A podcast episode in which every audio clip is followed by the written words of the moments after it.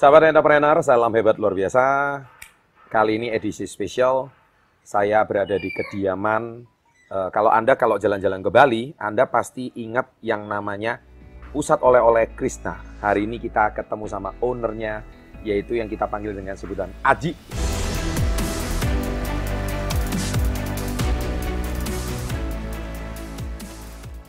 Ya, selamat datang Aji Terima kasih. di Selamat channel datang. kita Success Before 30 dan pada kesempatan kali ini kita akan mendengarkan kisah-kisah beliau bagaimana sih membuat Krishna yang dari dulu belum terkenal sampai sekarang menjadi tempat yang wajib dikunjungi bagi orang yang datang ke Bali. Setelah yang satu ini.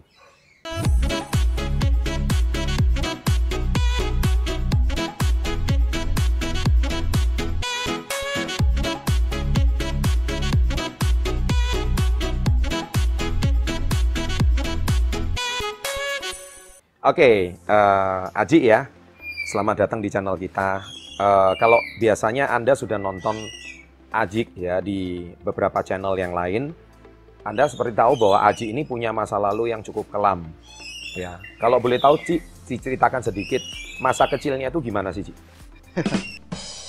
Diceritain sedikit. Masa kecilnya udah pasti sangat berat sekali ya. Berat ya. Betul-betul dari keluarga yang sangat miskin, Mm-mm. hidup di pedesaan dan serba keterbatasan ekonomi Ya. karena orang tua itu adalah petani, ibu pedagang kue di pasar ya. Sehari-hari eh sehari-hari membantu orang tua. Nah, jadi memang atau seperti kayak orang Bali pada umumnya di pedesaan gitu. Kalau dilihat di kampung saya ya, saya eh, keluarga paling miskin di Oh. kampung saya. Kok ukurannya apa? Kok bisa dikatakan paling miskin? Semiskin-miskinnya eh, di kampung saya paling tidak punya tempat tinggal lah. Ya, ya. tempat tinggal punya tanah lah untuk Hmm. untuk tempat tinggal. Nah, sedangkan orang tua saya sendiri tanah pun nggak punya, masih pinjam. Dan bangunan rumah pun pakai bata pakai mentah-mentah ya, pakai mentah-mentah kalau dipegang tuh goyang. Orang tua itu apa? Dulu kerjanya apa? Petani, Petani. petani. Kalau bahasa Indonesianya di Bali itu dia orang tua nggak punya tanah, Ha-ha. kayak nyakap ya, Nyakap. tanah orang Oh, di, di sampai kayak gitu ya. Ya. Terus berapa bersaudara, Ji? uh, jadi kebetulan bersaudara tujuh orang. Tujuh nah, dari dua ibu, Ha-ha. dua ibu, saudari tiri ada cowok uh, dua, cewek empat. Aji Dan nomor berapa? saya dari ibu nomor dua, Ibu cuma nom- sendiri. Oh, ibu nomor dua. paling sendiri. Paling kecil. Iya.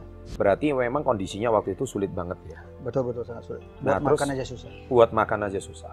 Iya. Jadi Anda jangan lihat kisah Krishna sukses sekarang ya, tapi di balik kisah sukses kita sudah tahu bahwa selalu ada kisah miris ya di balik eh, kesuksesan seseorang.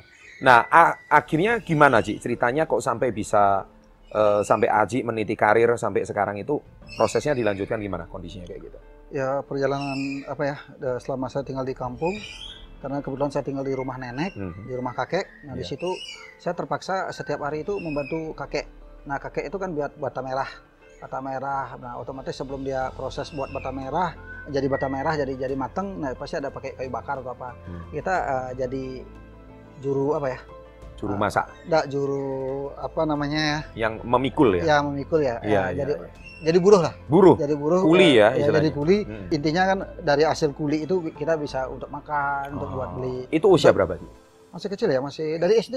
Saya Dari dari, SD. SD. saya udah kerja, Jadi SD itu udah kerja. udah kerja. Dan jadi itu buruh. uang sekolahnya dari mana itu? Nah, uang sekolah yang pertama kan pasti dari orang tua ya. Hmm. Kalau kurang-kurangnya ya dari hasil saya jadi buruh itu. Oh, Ya, jadi terutama untuk uang saku ya. tapi tetap lulus ya sekolahnya ya. Eh, lulus pun karena terpaksa ya. Terpaksa. terpaksa dari Pernah nggak naik kelas sih? eh, ku- eh, syukurnya naik kelas terus. Naik kelas terus. Terus saya dari SD dari kelas 1 sampai kelas 4 baru bisa baca. Wih, Karena Gitu. ya gimana ya bisa baca ya. Heeh. Otomatis nggak bisa baca ya karena untuk beli buku aja susah. iya iya iya. Karena keadaan ekonomi Nah, kan teman-teman di sekolah itu masih enak ya bisa dibiayain orang tua ya. ya rata-rata masih dibiayain orang tua. Nah, kebetulan Nah, waktu itu malu nggak Ci? Waktu sama teman-teman kan Aji kan kondisinya susah tuh. Sambil jualan sampai jadi buruh, sampai jadi kuli. Sama teman-teman diolok nggak sih waktu itu? Nggak. Enggak ya? Nah, Mereka ngerti ya? hampir ekonomi di sana kan hampir rata-rata sama. Oh. Nah, cuman yang paling kita udah miskin ma- masih ada di, di, di bawah itu lagi tuh. Di bawah garis Iya, kemiskinan. bawah Ini itu yang beratnya. di bawah bumi ini ya ceritanya. Oke, terus lanjutnya setelah itu setelah tamat sampai SMA. Ini uh, saya sekolah SMP. SMP. Itu SMP perjalanan sekolah aja kurang lebih dua setengah kilo setiap hari ya. Hmm. Setiap hari. Dua setengah kilo jalan kaki. Jalan kaki setiap hari. Hmm, Oke. Uang saku yang diberikan orang tua 100 rupiah. Itu Hmm. pun kadang-kadang dikasih, Hmm. kadang-kadang Sama kita sih, ya, sama-sama kadang- 100. Kadang-kadang dikasih, kadang-kadang tidak kan. gitu. Eh, Artinya dengan uang segitu ya kita cukup cukupin aja. Iya. Terpaksa kita jalan kaki karena uang 100 rupiah itu sangat berguna buat beli jajan dan Iya. es gitu. Iya, iya. Akhirnya singkat cerita kita sekolah tamat sampai SMP. Nah di situ eh, saya punya paman. Paman Hmm. itu ingin suatu ketika kamu tamat sekolah, eh, kamu kerja di Secuan. Secuan itu apa? Oh jadi tukang cuci piring. Cita-cita waktu itu pengen kerja di hotel. Restoran itu. Ya. Cita-citanya ya. Cita-citanya cuma nanya kerja di hotel. Karena nama kalau kerja di hotel tuh nama nama eh dulu namanya udah gila keren. Iya, iya. Kalau di Bali apalagi ya. Akhirnya sempat sekolah di sekolah eh, SMIP, sekolah menengah industri pariwisata. Mm-mm. Itu kurang lebih enam bulan. Iya. Nah, itu kurang lebih enam bulan uang, uang saku juga 100 rupiah. Kadang-kadang dikasih, kadang-kadang enggak.